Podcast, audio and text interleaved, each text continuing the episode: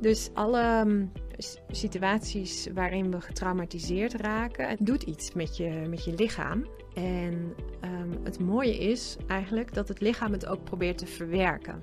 Wat wij uh, denken te zien is dat professionals die werken met ervaringskennis ook een soort extra antenne hebben ontwikkeld, waarmee ze intuïtief situaties anders inschatten dan dat een professional dat zou doen zonder ervaringskennis. Bij deze professionals hebben we gewoon nog een wereld te winnen om um, deze vorm van kennis uh, te valideren.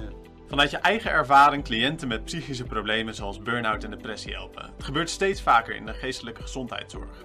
Ervaringsdeskundigen hebben vaak creatieve oplossingen, kunnen vanuit hun eigen ervaring hun cliënten aanmoedigen tijdens hun herstel en het taboe op psychische problemen helpen doorbreken. Simona Carfuniaris richt zich in haar promotieonderzoek op de vraag: hoe kun je als hulpverlener in je persoonlijke ervaring goed combineren met je professionele rol? Hierover ga ik met haar in gesprek. Mijn naam is Jelmer Witteveen en dit is de podcast Lessen uit HU Onderzoek. Nou Simona, fijn dat je er bent. Top, ja, dank voor de uitnodiging. Ja, nou, uh, ik zei het net al, in, jouw, uh, in jouw onderzoek ga je dus een beetje in op de vraag hoe kun je als hulpverlener uh, je persoonlijke ervaring goed combineren met je professionele rol. Mm -hmm. Waarom deze vraag, waarom dit onderzoek? Ja, dat is een hele goede vraag. Um, eigenlijk omdat ik die vraag mijzelf um, stelde toen ik net uh, klaar was met mijn opleiding social work. Ik uh, had toen van alles geleerd aan uh, methoden en um, manieren om zeg maar als hulpverlener aan de slag te gaan. Maar wat ik niet wist, was hoe ik mijn persoonlijke ervaringen als cliënt in de GGZ daarin moest vermengen of combineren. Sterker nog, ik had tot dan toe heel erg het gevoel gekregen dat ik dat moest scheiden. En dat was voor mij uh, een belangrijk signaal waarmee ik vervolgens uh, besloot om niet als social worker aan de slag te gaan. Nee, dus het is eigenlijk een beetje ook vanuit persoonlijke reden dat je met dit, met dit vraagstuk je bezighoudt. Ja, en later ontdekte ik dat er meer mensen zijn die zich dit afvragen. En ja, kwam ik eigenlijk in de lijn van onderzoek, praktijkgericht onderzoek, waar dit ook een van de belangrijke thema's bleek te zijn. Ja, precies. Wat, wat zijn de dingen waar, waar nu nog tegenaan gelopen wordt? Um, nou, wat we inmiddels weten is dat uh, het werken met ervaringskennis um, een soort emancipatoire beweging is, zoals we dat noemen. Uh, dus het ligt eigenlijk in de lijn van herstelgericht werken, wat ook heel erg vanuit de cliëntenbeweging is ontstaan. Maar uh, tot op heden wordt het eigenlijk nog vrij beperkt um, benut en erkend. En waar we die erkenning wel zien, is veelal bij sociaal werkers en bij verpleegkundigen die over het algemeen ook wat meer ruimte hebben in hun beroepsprofessie om daarmee te experimenteren. Dus uh, verpleegkundigen mogen wel hun eigen ervaring gebruiken, zeg je? Uh, nou, er is in elk geval, uh, verpleegkundigen zijn in elk geval daar wel ook over aan het nadenken. En er is een beweging, ook onder verpleegkundigen, waar, ja, waarbij daar dus wel echt aandacht aan wordt besteed. Um, omdat nou ja, zij uiteraard ook in de GGZ werkzaam zijn en ook uh, veel in contact staan met cliënten. En um, wat ook interessant is daarbij, is je te realiseren dat uh, veel hulpverleners niet voor niets het vak ingaan. Dus um, ja, uit onderzoek blijkt dan een variërend percentage van 45 tot 75 procent zelf ook te maken hebben gehad met um, ja, nou, in elk geval levensontwrichtende ervaring, om het zo te noemen. En dat loopt heel erg uiteen. Jij noemde net al een aantal um, uh, mooie voorbeelden, maar eigenlijk is die waaier nog breder. Ja, precies. En, en um, ja, waarom, waarom heerst die nog zo'n taboe op eigenlijk? Ja, dat, uh, dat vraag ik me soms ook af. Um, ik, ik denk uh, dat het stigma uh, ondanks dat we dat eigenlijk niet verwachten, um, enorm hoog is in de GGZ zelf ook. Dus ook in de instellingen die natuurlijk lange tijd een soort beschermende functie hebben gehad, uh, blijkt heel veel zelfstigma en ook stigma onder hulpverleners te zijn. Um, uh, er is ook actueel onderzoek vanuit het Trimbos waaruit dat blijkt dat hulpverleners ook enorm kunnen stigmatiseren. Ja. Um, dus dat, dat vraagt uh, om, om wat open te breken. En um, ja, ik hoop daar met mijn onderzoek een klein beetje aan bij te kunnen dragen. Ja, precies.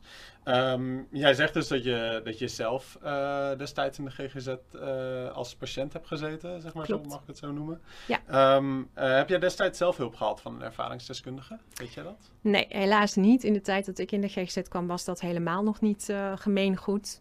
Ehm, sterker nog, ik heb heel veel hulpverleners gezien die helemaal niks over zichzelf vertelden. En daar kon ik ook niet zoveel mee. Dus uh, daardoor uh, heb ik me eigenlijk heel moeilijk of moeizaam zeg maar, in contact kunnen raken met mensen. En heb ik ook heel snel gezegd van nou, hier durf ik het eigenlijk niet zo goed uh, mee um, aan, zeg maar aan te vangen. Ja. en um, dat is voor mij wel reden geweest om veel wisselingen van hulpverlenerscontact te hebben. Ja, precies. Dus je had het eigenlijk wel gewild. Ik denk dat me dat best goed had gedaan als ik dat in een vroeg stadium. Ik had wel lotgenoten, maar dat is nog wat anders dan ervaringsdeskundigen. Ik had wel lotgenotencontacten en uh, ik trof op een gegeven moment ook wel de juiste mensen. Als je wat gerichter gaat zoeken, kun je natuurlijk ja, uiteindelijk toch wel uh, uh, mensen op je pad komen, terechtkomen die, um, of tegenkomen die jou wel begrijpen en die jou kunnen bereiken. Misschien schept het ook wat meer een band tussen hulpverlener en patiënt als de hulpverlener in hetzelfde schuitje heeft gezeten. Ja, een band is inderdaad een van de essentiële kenmerken die ook uit mijn onderzoek naar voren komt. Ja. Um, mensen of cliënten die ik spreek, die ervaren dat het een heel compassievol contact is. Um, maar het biedt meer dan alleen uh, dat fijne contact. Hè? Dus het is een stukje herkenning en wederkerigheid. Maar het is ook um, soms precies de goede bewoordingen hebben voor waar een cliënt in zit. Um, parallellen uit je eigen herstelproces kunnen zien, ook bij de cliënt. En die kunnen ja, stimuleren als het ware. Um, zodat cliënten zich weer uh, geholpen daarmee voelen. Ja. dat kan niet iedereen op die manier, denk ik. En wat ik ook wel zie, is dat er ook hulpverleners zijn die zeggen: Nou, leuk en wel, die ervaringskennis en deskundigheid, maar niet voor mij, zeg maar. De, daar kan ik niet zo Ik wou net zeggen, kan het ook, kan het ook een tegenstellend, kan het ook uh, ja, contrasterend werken, dat je het juist niet wil eigenlijk, een ervaringsdeskundige? Er zijn uh, veel professionals die er uh, met een bocht omheen lopen. Er zijn ook professionals die niet per se met een bocht eromheen lopen, maar die gewoon heel duidelijk zijn en zeggen, dit levert mij, of dat levert in mijn ogen eigenlijk niet zoveel meer op. Um, en ik denk uh, dat we die geluiden heel erg moeten honoreren en ook um, ja, op een goede manier mee om moeten gaan. Ja. Omdat er op dit moment ook nog niet voldoende bekend is uh, in welke situaties het werkzaam is en in welke situaties het mogelijk contraproductief ja. kan werken. Maar zouden er ook patiënten kunnen zijn die zeggen van nou, ik heb echt geen behoefte aan om met iemand te praten die hetzelfde heeft, uh, heeft meegemaakt? Ja, die zijn er zeker. Ik kom, het is de minderheid, kan ik je zeggen, oh. uh, van de mensen die ik spreek. Um, uh, maar die zijn er. En met name als het gaat over contacten met um, psychiaters, uh, zie je dat, um, nou, dat er wel reservering is of, uh, ja, of dat zou kunnen werken in het contact. Nee. En dat heeft dan ook weer te maken met dat een psychiater soms enkel en alleen medic medicatieconsulten doet. Dus kortdurend in contact is met iemand. En dan ja, eigenlijk de spaarzame tijd die er is, alleen gefocust moet worden op die cliënt. Ja. Uh, maar dat is tegelijkertijd ook een beetje um, een vervorming van het beeld wat er is. Dus als ik zeg van nou, je werkt met ervaringskennis, dan denken veel mensen, nou, dan vertel je van alles over je eigen problemen. En dat hoeft niet zo te zijn. Het kan namelijk ook zijn dat je het veel implicieter gebruikt. Dus dat je iets aanvoelt. Hè, en dat is altijd lastig hard te maken, en zeker in onderzoek. Maar um, uh, wat wij uh, denken te zien is dat professionals die werken met ervaringskennis ook een soort extra antenne hebben ontwikkeld, waarmee ze intuïtief situaties anders inschatten dan dat een professional dat zou doen zonder ervaringskennis. En ik zeg niet dat het daarmee altijd beter is, maar wel ook anders handelen. Uh, hoe zit dat, dat anders handelen? Nou, ik heb een voorbeeld van een uh, professional met ervaringskennis die um, uh, een hele goede inschatting kan maken of er daadwerkelijk sprake is van agressie, gevaar voor agressie. Um, en um, we hebben een tijdje met hem meegelopen. En wat je dan ziet is dat uh, waar andere collega's sneller risico's uh, zien en dus ook risico um, ja, uh, management toepassen, hè, dus situaties willen vermijden eigenlijk, dat het zou kunnen escaleren, is deze professional in die zin niet zo snel bang, omdat hij dus veel meer vanuit zijn eigen achtergrond de inschatting maakt of het een daadwerkelijk risico is of niet. En, en dit verhaal is met name voor academisch opgeleide professionals heel ingewikkeld om te volgen, omdat zij veel meer gewend zijn om protocolair te werken en op basis van evidence-based uh, uh, ja, wetenschap of theorie uh, hun handelen uit te zetten. Dus bij deze professionals hebben we gewoon nog een wereld te winnen om ehm, deze vorm van kennis te valideren. Wat zou een reden zijn voor een professional om zijn eigen ervaringen niet te delen? Um, nou, er kunnen verschillende redenen aan de grondslag liggen. Soms zijn professionals zelf nog in een herstelproces. Dus uh, zijn ze nog onvoldoende bij machten om erop te reflecteren of om er afstand van te nemen. En dat is ook wel een reden om het dan ook echt niet te doen. Nee, het moet geen zelftherapie worden natuurlijk. Nee, exact. Ja, ja. ja. Dat zou dan een mogelijk risico kunnen zijn. Een andere reden is dat professionals zeggen: uh, ik weet niet of het nu in deze situatie of bij deze persoon zoveel uh, toevoegt. Dus dat is natuurlijk ook een heel legitiem motief om niet uh, van alles uh, te delen over je privé. Hè, dus eigenlijk wat, ervaringskennis zou moeten doen, of wa wat we zouden willen, is dat het ook wel enigszins gericht en bewust ingezet kan worden. Juist. Um, je uh, beschreven in, uh, op de website van, uh, van HU, van het onderzoek. Daar staan over jouw project staat er ook een stuk geschreven. En daar, wat je net ook zei, is dat 45% van de ondervraagden bleek ervaring te hebben met de GGZ. Dus 45% van de mensen die in de GGZ werkten en aan het onderzoek heeft meegedaan aan enquête, die heeft zelf, die is ervaringsdeskundige. En dit getal werd opvallend genoemd. Maar waarom is dat opvallend? Nou, het is opvallend omdat uh, we deden deze survey in 2017 hm. en het was een anonieme uh, survey die we hebben uitgezet. Um, opvallend is, eh, als je kijkt in de Nederlandse populatie, dan zie je niet zulke hoge cijfers. Dus uh, het is sowieso al wel een ander beeld dan je nou, gemiddeld genomen zou um, zien. Um, en opvallend is dat er toch ook heel veel professionals zijn die zeggen: ondanks dat ik die achtergrond heb, weet ik niet zo goed of ik dat zou willen benutten in mijn uh, beroep. Ja. Uh, dus dat um, percentage is eigenlijk ook vrij hoog. Slechts 20% van de professionals uit de enquête uh, zei van nou, we willen ook echt deze ervaringskennis benutten in ons vak. Oké, okay, dus het grootste deel is dus nog wel bang voor de redenen waar we het net over hebben gehad. Om zeg maar die 80% die zegt van nou, ik weet dat ik de ervaring heb, uh, maar ik uh, hoef het niet per se in te zetten. Ja, niet in de laatste plaats, omdat in de cultuur, of ja, de, de GGZ-cultuur is nog steeds uh, vrij hiërarchisch en, ja. en um, besloten in zekere zin ook. En mensen zijn soms bang om uh, toch ook um, uh, bepaalde reacties te krijgen van collega's of leidinggevenden. Um, dus dat is ook wat ik in de intervisies, ik heb een aantal intervisiegroepen, wat, wat ik veel terughoor. Ja. En ja, ik vind dat persoonlijk heel jammer. Maar al, ja, ik net zeggen, want als er dan zo weinig animo voor is, waarom is het dan zeg maar toch belangrijk? Wil je die mensen dan die andere 80% over de streep trekken om het toch te doen? Of uh, ja, wil je ze laten zien dat het, uh, dat het wel belangrijk is dat ze het doen, of dat het wel kan, of dat ze nergens bang voor wat, wat ja.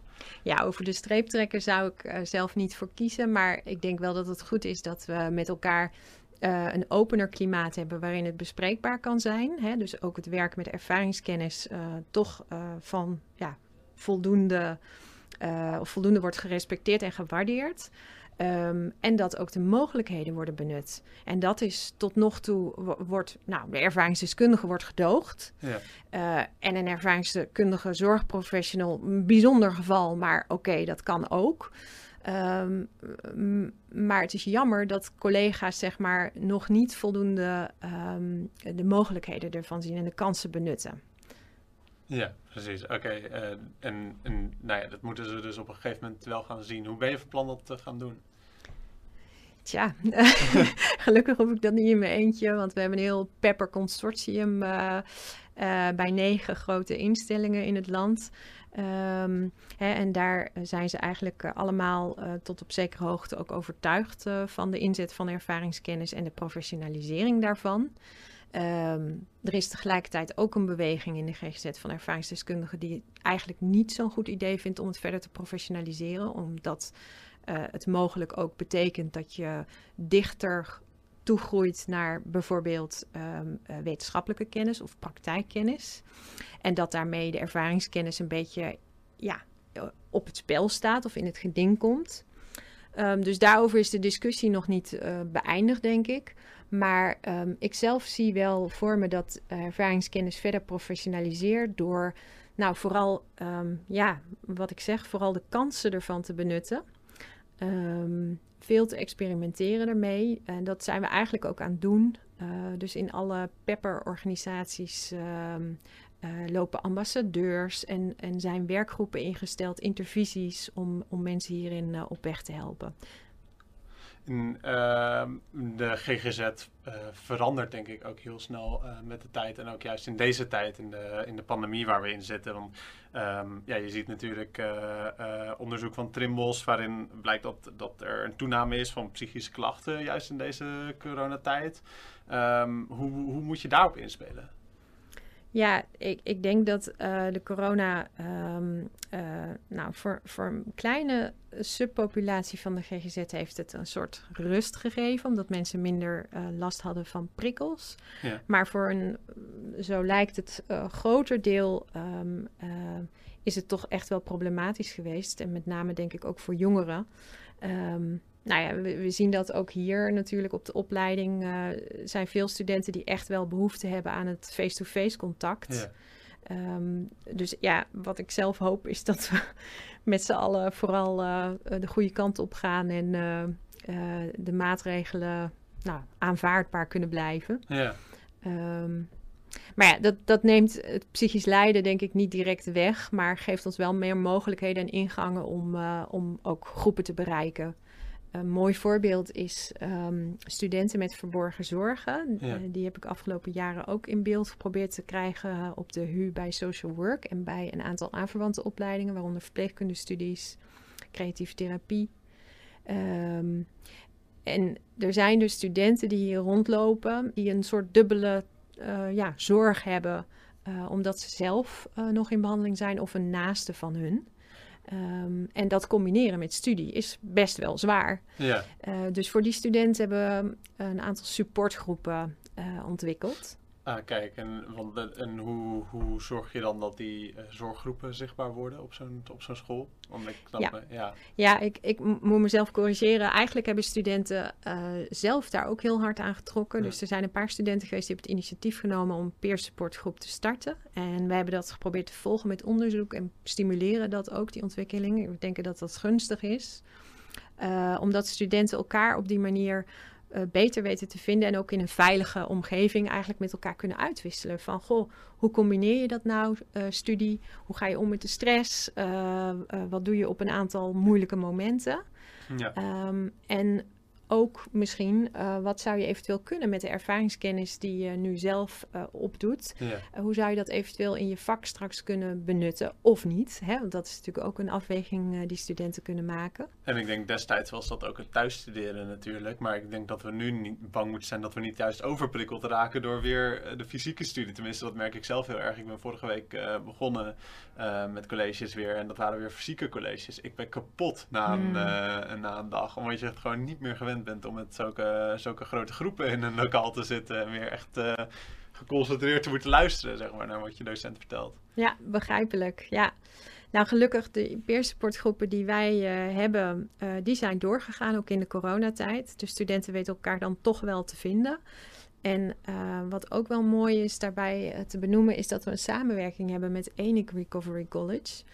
Um, Recovery College is een, um, misschien ken je dat begrip, het is een, um, uh, eigenlijk een plek waarin je herstel, je herstel kunt combineren met leeractiviteiten. En binnen de Recovery Colleges in Nederland, dat zijn er nu een aantal, uh, zie je hele mooie ontwikkelingen. Dus er ontstaat peer support initiatieven, maar er zijn ook uh, trainingen te volgen. Je kunt elkaar in retreats ontmoeten. Um, en voor ons is dat uh, een mooie link naar de opleiding, social work.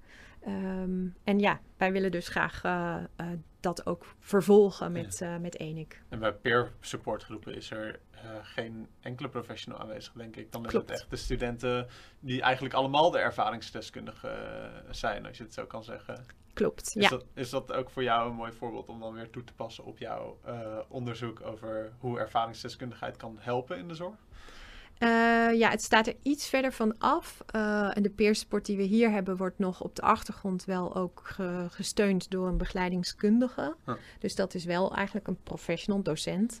Um, hè, en ja, de peer support uh, die, die we eigenlijk in de GGZ zien, binnen de instelling waar ik kom, is er eigenlijk al behoorlijk wat peer support georganiseerd. Dus het verder professionaliseren van ervaringskennis is daar eigenlijk een vervolgstap in. Zo zie ik dat. En uh, jou, even terug naar jouw onderzoek zelf. En je bent mhm. nu uh, nou ja, op de helft zo'n beetje. Je bent begonnen in maart 2019 en het, het loopt nog tot maart 2023. Uh, we hebben het misschien al wel eerder over gehad, maar wat zijn tot nu toe eigenlijk de belangrijkste resultaten waar je, waar je op bent gekomen? Nou, er zijn verschillende resultaten. In elk geval, uh, uit mijn eerste studie blijkt dat uh, internationaal gezien het werken met professionele ervaringskennis eigenlijk een soort niche is. Dus dat gebeurt op heel weinig plekken, eigenlijk alleen in de westerse landen, Israël en Australië. En daarnaast uit mijn tweede studie blijkt dat cliënten er over het algemeen veel baat bij hebben als het adequaat kan worden ingezet. Uh, door in dit geval verpleegkundigen en sociaal werkers. Wat we nog niet zo goed weten is hoe het zou kunnen werken bij psychologen en psychiaters. Dat is ook een deel van mijn vervolgstudie waar ik nu in zit. Um, uh, dat gaat over hoe psychiaters omgaan met hun ervaringskennis. Um, en daarnaast, um, ja, uh, is er ook nog wel de vraag hoe je dit bestuurlijk heel goed kunt inbedden. Want eigenlijk, we zijn al een tijdje onderweg, maar het blijft een soort experimenteel en pilot karakter houden in een aantal organisaties. Dat vinden we jammer. Dus wat we zouden willen is dat het echt steviger ingebed wordt. Je noemt nu een aantal dingen. Allereerst uh, had je het over uh, hoe het in andere landen werkt. En dan zeg je het is een niche, maar het gebeurt dus wel in Israël, Australië. Hoe, ja. hoe gebeurt het daar? Um, nou, eigenlijk heel kleinschalig. Hè? Dus je hebt het over enkele instellingen die, net zoals wij, eigenlijk aan het experimenteren zijn. Ah ja, precies. Dus daar ook wordt gewoon onderzoek gedaan. Het is nog niet ja. een, uh, uh, een serieus iets waar het echt uh, bij organisaties wordt doorgetrokken. Uh, het is serieus in die zin dat er dus kleinschalig wel serieus wordt gekeken wat het kan opleveren. Ja. Um, maar ja, je kunt nog niet zeggen dat je op basis van heel veel wetenschappelijke data harde uitspraken daarover kunt doen. Nee, precies. En vervolgens had je het over je tweede studie. Mm -hmm. Kun je dat nog even herhalen? Ja, dus de tweede studie gaat over de perspectieven van cliënten, hoe die het ervaren, ja, om in contact precies. te staan met een zorgprofessional met ervaringskennis. En die hebben er over het algemeen, zeggen zij zelf, baat bij. Ja, de cliënten hebben er bijna meer baat bij dan dat de professionals er baat bij hebben om erover te praten. Uh. Als het goed is wel. Ja. Want ja. dat is natuurlijk uiteindelijk ook het doel. Ja. ja. En dan had je nog iets over psychiaters, zei je uh, tot slot? Uh, ja, want um, uh, mijn derde deelonderzoek gaat dus over die professionals. Wat, ja. wat, um, nou, wat zij tegenkomen. Dus zij doorlopen een heel persoonlijk professioneel proces. Maar dat gaat over verpleegkundigen en sociaal werkers met name. Ja. Um, in mijn huidige studie, dus waar ik nu mee bezig ben, zijn psychiaters. En, en daar, wat ik tot nog toe zie, is dat het nog veel meer in de kinderschoenen staat dan we misschien gedacht of gehoopt hadden. um, uh, en, door die terughoudendheid, wat je ja, zei? Ja, dus er is sowieso uh, zijn er, nou toch wel, kan ik zeggen, hardnekkige um, beroepsovertuigingen die uh, op gespannen voet staan met het werken van erva met ervaringskennis. Hè. Dus psychiaters hebben van zichzelf en ook van, vanuit hun omgeving het beeld dat ze vooral moeten werken met gedegen kennisbronnen die uh, wetenschappelijk um, ja, uh, en vooral ook evidence-based. Ja, uh, objectief. Ja, precies. Objectiviteit, neutraliteit uh, zijn allemaal wel belangrijke begrippen in het vak. maar daarnaast hebben zij natuurlijk ook grote verantwoordelijkheid over grote aantallen cliënten. dus ze staan er soms iets verder van af. En um, ze worden ook verwacht om een soort uh, nou, neutraal toonbeeld van beheersing te kunnen zijn in een, beeld, in een, sorry, in een team. Ja, je komt bijna bij een, psycholo of uh, bij een, uh, bij een filosofisch vraagstuk terecht. Zo. Van kan, je, kan je objectief kijken naar mentale gezondheid? Of moet daar soms ook een beetje subjectie bij komen, omdat je het nog niet echt altijd kan meten, zeg maar. Het is niet altijd nou ja, dat meetbaar. is dus langs de andere kant. Want als we dan echt gaan kijken van hoeveel harde wetenschap is er in de GGZ. Hè? Er lopen allerlei interessante onderzoeken naar biomarkers. Maar dat ja. levert tot nog toe teleurstellend weinig op. Ja. Hè, dus uh, je kunt al je hoop daarop vestigen en zeggen en vol, vol, volhouden dat je vooral academisch uh, geschoold bent en daarmee dus ook academische uitvoering wil geven aan je vak. Ehm, maar de vraag is hoe realistisch dat is binnen een veld waar het veel weerbarstiger is en veel uh, complexer eigenlijk. Een hoge maat van complexiteit die ja, eigenlijk weinig voorspellingskracht uh, heeft. Ja, we kunnen nog niet even een USB-stickje in ons hoofd proppen en het hele hersenen uitlezen en zeggen wat er allemaal objectief gezien fout is, zeg maar, of, of, of anders is. Nee, en ik, ik denk gelukkig niet, maar dat is mijn uh, ja, persoonlijke mening. Uh, Dan wordt het wel heel erg Black mirror ja. ja. ja, dus ik denk dat we de, de personen in het vak heel erg nodig hebben. Ik zeg wel eens dat de GGZ aan het hyperprofessionaliseren is. Allerlei methodieken worden er ontwikkeld EMDR, de Flash. Uh, ontzettend veel interessante, uh, maar vaak kortdurende interventies, waarbij relatief weinig aandacht uitgaat naar de relatie. Ja, even uh, EMDR en de Flash, dat zijn therapieën die je noemt, bijvoorbeeld om traumaverwerking. Juist. ja, ja klopt. Ja. ja.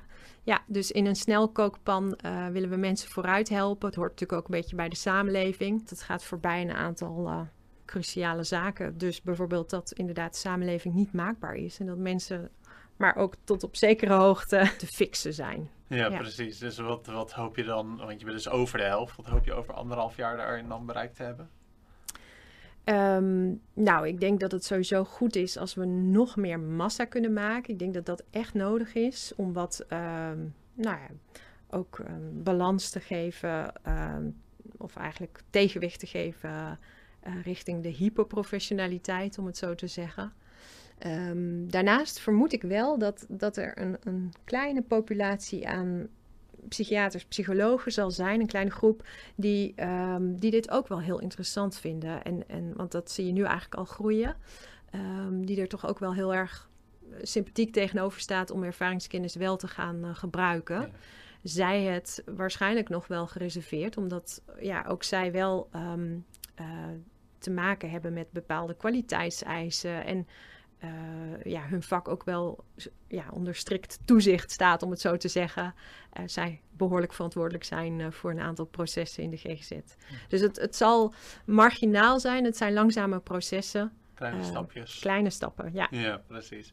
We gaan naar jouw must read en must see. je ja. hebt voor als must see heb jij gekozen de Caro NCV documentaire Blue Monday. yes. Vertel. Ja, nou, die documentaire, ik heb hem zelf al mogen zien in een sneak preview, uh, is erg aanbevelenswaardig omdat het heel erg het perspectief van cliënten laat zien die te maken hebben met een psychosegevoeligheid en erg van binnenuit ook vertelt uh, wat dat met mensen doet. Um, en een aantal aannames eigenlijk uh, weerlegt. Deze documentaire wordt op het Nederlandse Filmfestival vertoond binnenkort. En daarna is die toegankelijk voor breder publiek. Um, ja, dus dat, uh, dat sowieso denk ik een hele mooie documentaire. En die zou iedereen moeten zien, van, van geïnteresseerde leek tot, tot zorgprofessional. Ja, en, en zeker voor studenten denk ik ook uh, heel erg mooi om uh, naar te kijken. Nou, wat, wat heb je daarvan opgestoken? Um, nou, wat ik ervan opsteek is dat um, over het algemeen wordt natuurlijk vrij negatief uh, gekeken tegen uh, psychose. Hè? En ook, uh, nou ja, het is natuurlijk een behoorlijke, kan een behoorlijke kwetsbaarheid zijn. Je wordt snel als gek weggezet, denk ik. Ja, precies. Dat is een beetje de mainstream beeldvorming. Yeah. Maar mensen die zelf een psychose doormaken, kunnen het zelf heel anders ervaren. Bijvoorbeeld als een meer een spirituele gevoeligheid. Um, zij hebben bepaalde dingen kunnen zien en ervaren die wij niet kunnen zien en ervaren, of tenminste ik niet. en daarmee krijg je bijna het gevoel van, hey, jammer dat ik niet uh, hè, uh, eens een keer in die schoenen heb kunnen staan. Ja zijn natuurlijk wel middelen voor, maar dat er. nee, nee, nee, dat is flauw. Ja, ja. nee, ja precies. Uh, dat, dat kan ook. Uh, ja. Niet dat ik dat nou van harte aanbeveel, maar uh, laat je op een andere manier naar de GGZ kijken. En dan heb je ook nog een, een must-read uitgekozen. Die ja, even, oh, ja, dat traumasporen van Bessel van der Kolk. Ja, klopt. Uh, en uh, alle boeken van, uh, van Gaber Mathé, zei jij ook nog. Dat, ja. dat, die zijn een beetje in hetzelfde spectrum liggen die. Klopt, ligt in elkaars verlengde. Bessel van der Kolk, een aantal mensen kennen hem al langer. Of tenminste, hij heeft al heel wat boeken uitgegeven. En Traumasporen een aantal jaren geleden. Wordt nu, lijkt het, herontdekt. En Gaber Mathé haakt er eigenlijk ook op in. Um, the Body Keeps the Score uh, is de Engelse titel. En ik vind dat eigenlijk een betere titel dan traumasporen. Het lichaam uh, houdt de score bij. Juist, ja. Dus alle um, situaties waarin we getraumatiseerd raken, en dan heb ik het niet per se over een, uh, een aanslag, um, maar het kan ook kleiner trauma zijn.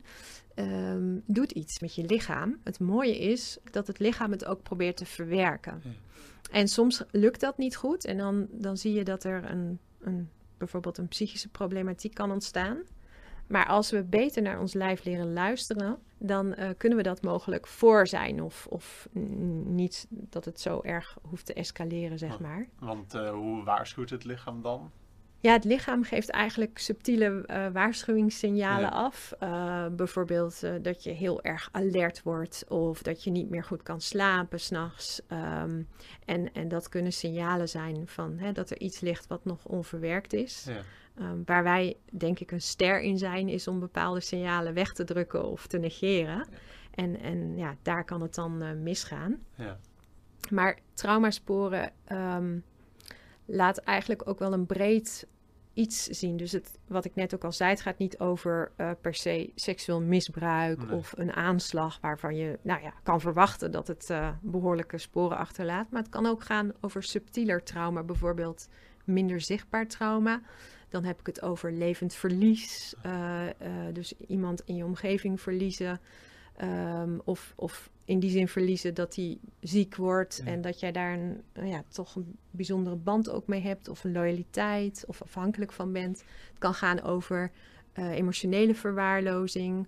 Uh, van bijvoorbeeld een ouder die er niet echt voor je kon zijn, omdat hij met zichzelf uh, in de knoop zat. Um, dat zijn allemaal impacts, eigenlijk impacts die je in je kindertijd, maar ook daarna kunt opdoen. En um, ja, waar je toch behoorlijk uh, door geraakt kunt worden. Ja, en ja, die, die, die, zich ook nog op latere leeftijd kunnen manifesteren op manieren dat je het niet echt verwacht. En uh, die twee schrijvers die beschrijven dat en, of, en wat ja. doen ze er verder mee? Ja, ze laten eigenlijk heel goed uh, zowel nou ja, neurobiologisch als um, meer in sociaal gedragingen zien wat, het, wat het doet.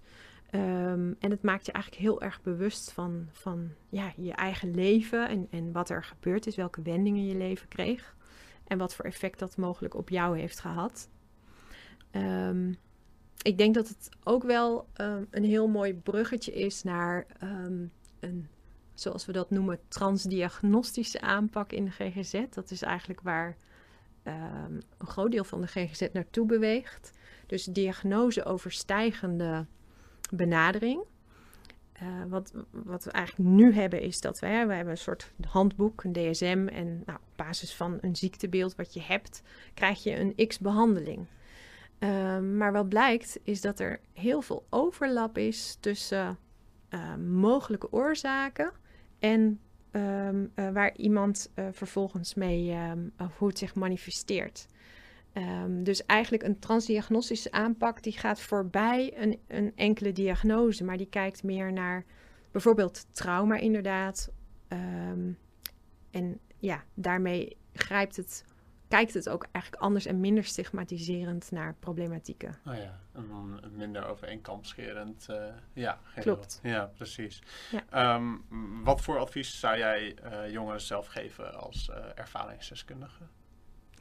Uh, nou ja, in, in die lijn eigenlijk um, juist om die belichaamde uh, ervaringen um, tot ervaringskennis te kunnen maken. Dus stel dat jij ook dingen hebt meegemaakt uh, en, het, en het is lastig om daarover te praten, dan kan het soms ook behulpzaam zijn om juist met het lichaam te gaan werken.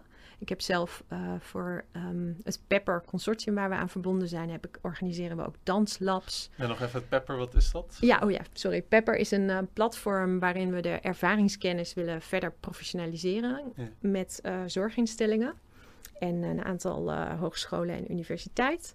Uh, dus daar doen we onderzoek en kennisontwikkeling op het terrein van ervaringskennis onder zorgprofessionals. Precies, en daarmee hebben jullie een soort dans. Uh, wat zei je, een dans? Ja, dat is een van de ja, initiatieven, zeg maar. Dus hè, als je weet van, nou, sommige ervaringen liggen besloten in het lichaam, dan is dat eigenlijk een soort belichaamde kennisvorm.